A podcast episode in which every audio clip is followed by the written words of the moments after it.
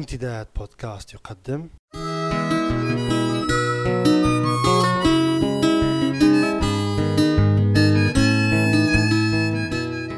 رسالة من لندن. مع جمعة بوكليب.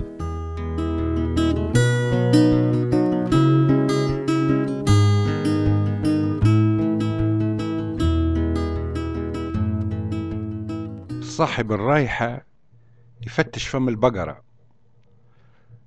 سمعت هذا المثل السوداني من أحد أصدقاء السودانيين في لندن ومعناه أن صاحب الرايحة أي الذي أضاع شيئا ما يضطر للتفتيش والبحث عنه في كل مكان حتى لو كان فم بقرة على أمل أن يجده هناك.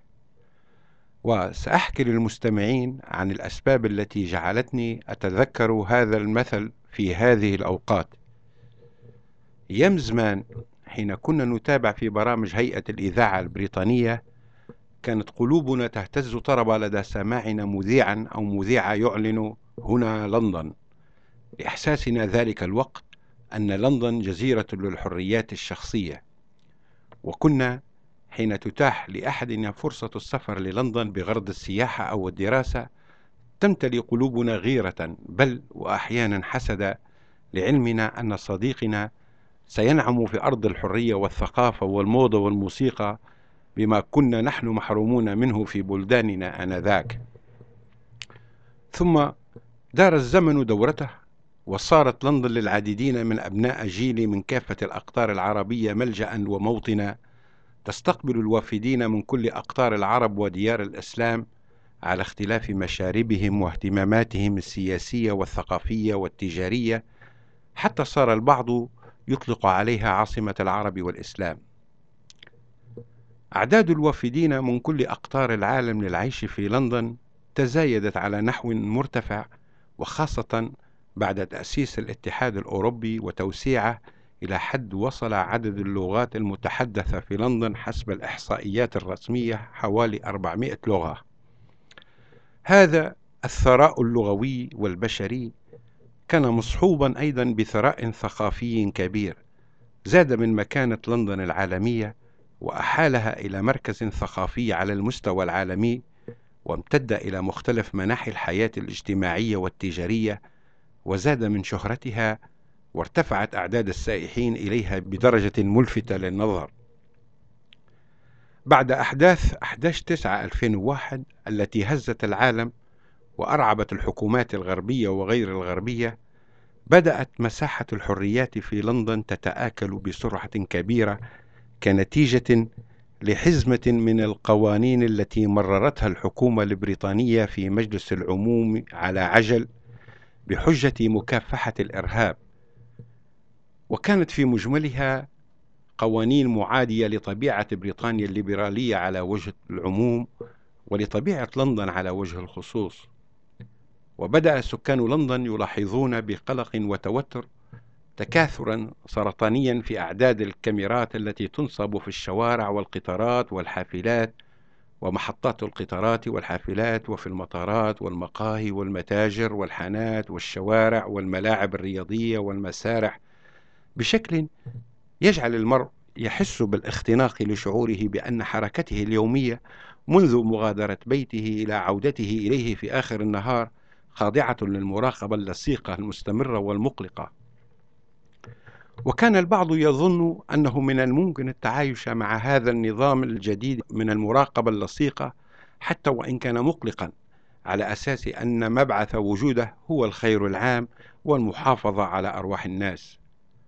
ثم جاءت أحداث 7 7 2005 والتي قام فيها مجموعة من المتطرفين الإسلاميين بتفجير أنفسهم في عدد من الحافلات العامة وقطارات الأنفاق وكانت فاجعة كبيرة هزت أفئدة الناس وحركت مشاعرهم وزادت من مخاوفهم واتسم رد فعل الحكومة برفع وتيرة المراقبة على تحركات الأفراد والمركبات وازدادت تحرشات الشرطة والأجهزة الأمنية السرية بالأفراد والمجموعات خاصة من الأقليات الإثنية عموما والمسلمة على وجه الخصوص وبالطبع تفاقمت الأمور الأمنية والخوف إلى درجة حدوث انتهاكات للحريات الشخصية للأفراد منها السجن والاعتقال دون توجيه تهم ودون مراعاة للقانون بشكل قصدي والصارخ والحقيقة أن الأمر لم يتوقف عند هذا الحد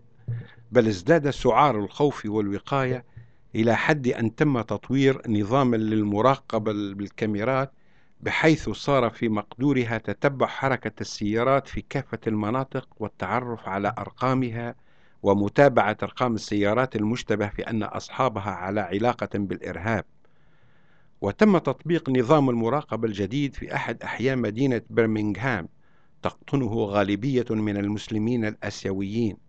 وتم وضع النظام بسرية تامة إلا أن أمره انكشف بطريقة ما وانقلبت الدنيا على رأس الحكومة إعلاميا على اعتبار أن وضع الكاميرات في الأساس في تلك المنطقة تحديدا كان لأسباب عنصرية تربط بين الإرهاب والمسلمين بشكل أساسي رغم حقيقة أن الإرهاب لا جنسية له. هناك حكمة كانت أمي ترددها باستمرار وهي أن الحكومة ما يغلبها حد.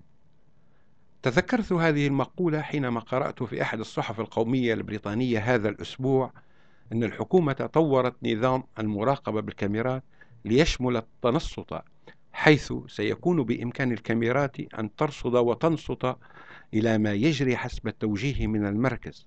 وتم وضع النظام الجديد في الخدمة في كل من لندن ومانشستر وغلاسكو وكوفنتري النظام الجديد يدعى نظام سيغارد وهو نظام قامت بتطويره شركة هولندية حيث وضعت في كل كاميرا لاقطة صوت بإمكانها التعرف على أي حديث عالي النبرة أو عدائي النبرات ثم عقب ذلك تقوم بتوجيه الكاميرا نحو مصدر الصوت والتركيز عليه بشكل مقرب هل عرفتم الآن الأسباب التي جعلتني أتذكر ذلك المثل السوداني في هذا الوقت تحديدا؟ ومن منكم يا ترى يعرف ماذا سيفعل صاحب الرائحة حين يفتش فم البقرة ولا يجد لندن التي عرفها وأحبها؟ وحتى نلتقي مجددا. أتمنى لجميع المستمعين قضاء أوقات طيبة.